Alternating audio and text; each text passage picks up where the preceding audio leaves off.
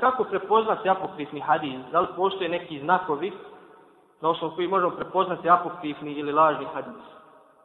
Hadijski učenjaci su uložili ogromne napore dok su odvojili i objelodanili hadise koji su izmišljeni na Allahu poslanika sallallahu od onih koji su vjerodostojni. Na takve vrste hadisa oni su kazali u zbirkama apokrifnih hadisa, a jedna od takvih zbirka je ona Kitabul Naudoat od Ibn Dževzija koju smo prethodno spomenuli. Uz to su spomenuli islamski učenjaci neke znakove na osnovu kojih možemo raspoznati, raspoznati apokrifni hadis od onoga, od, od, jeli, od ispravnog vjerodosnog hadisa.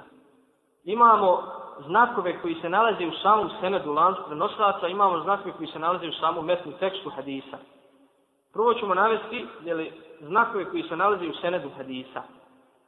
Prvo, kada neko sam prizna da je izmišljao hadise, kao što je to Abdul Karim ibn Abi al-Auđa, priznao da je izmislio 4000 hadisa. Drugo, da ravija hadisa bude poznat kao lažac, poznat među ljudima, i da hadis ne prenosi ni jedan povjerljiv ravija. Hadijski učenjaci su pridavali pažnju u poznavanju lažaca i njihove biografije i pomno su istraživali hadise koje su oni izmišljali. Treći znak da ravija prenosi hadis od šeha kojeg nije sreo ili je rođen nakon njegove smrti ili nije bio u mjestu za koje tvrdi da je u njemu čuo hadis od šeha. Islamski učenjaci, kao smo rekli, izučavali biografije, historiju, historiju prenosilaca ravija. Tako da se zna za svakog raviju kada je rođen, gdje, gdje je učio, kod kojih šehova je učio, u koje gradove odlazio. Tako da su na taj način znali, ako bi došlo do izmišljana ili, ili laganja, da, da znali su da li je, da li je hadis vjerodostojan ili nije.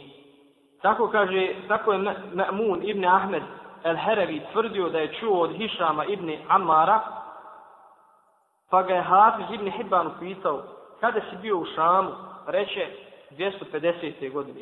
Na to mu Ibn Hibban reče, Hišam od kojeg prenosiš je umro 240. godine.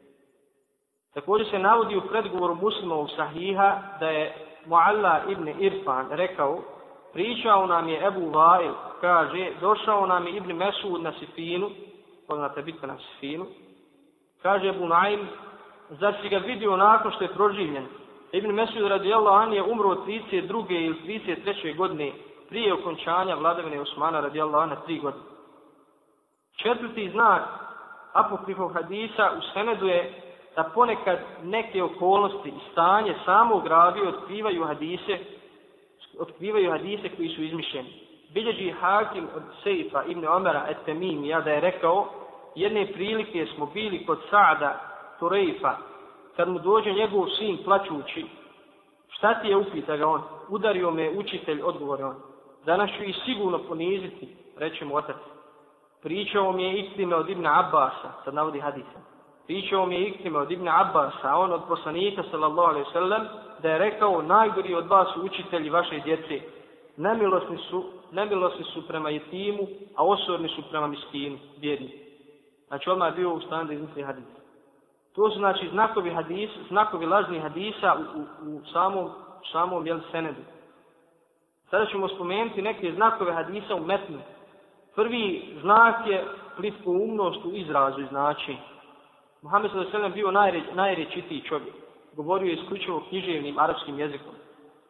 Njegove riječi su bile jezgrovite i sadržajne, pune mudrosti i pouka. Mogućnost bilo kakve greške u izrazu i značenju bila, bila je isključena. Kada se u tekstu hadisa, njegovom značenju, nađe nešto od toga, to ukazuje da bi se moglo raditi o apokrifnom hadisu. Pod ovo se mogu podvesti hadisi u kojima se za neznatna djela obećavaju velike nagrade i za sitne prijestupe prijeti i teškim kaznima. Na primjer, hadis koji je izmišljen, ko kaže la ilaha illallah, uzvišnji Allah mu stvori pticu koja govori 70.000 jezika. Svaki jezik na 70.000 jezika za njega traži oprost. Tu spadaju i svi hadisi u kojima se za neku učinjeno djelo nagovještavaju nagrade poslanika. Na primjer, ko planja toliko i toliko rekata duha namaza, imaće nagradu 70 vjerovjesnika.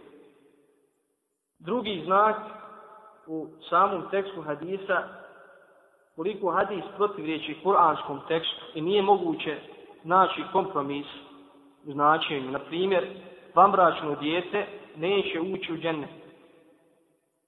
apokrifni hadis koji se kosi sa kuranskim ajetom, la teziru a aziretu izra uha.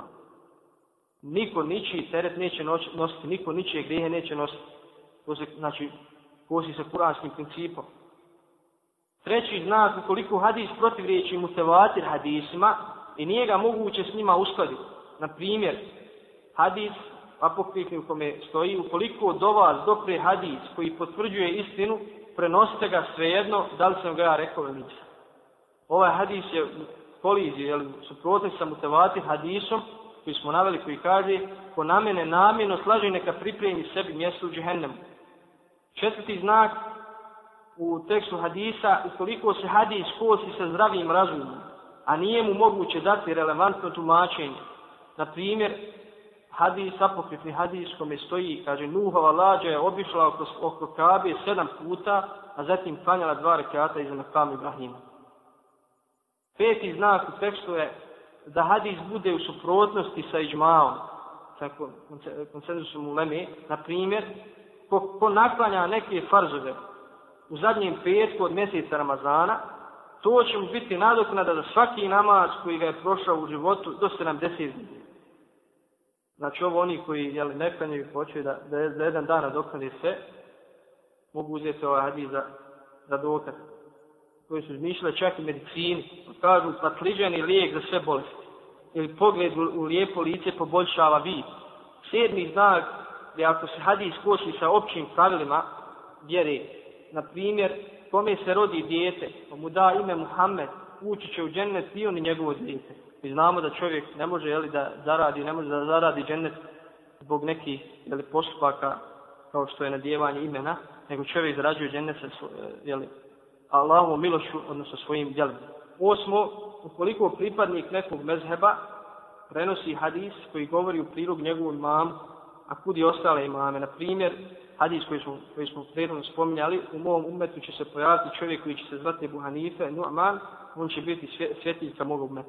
I hadis koji govori kod Šafije, da će ovaj, da se pojaviti u mom umetu čovjek po imenu Muhammed ibn Idris, on će biti štetniji za ovaj umet od Idrisa.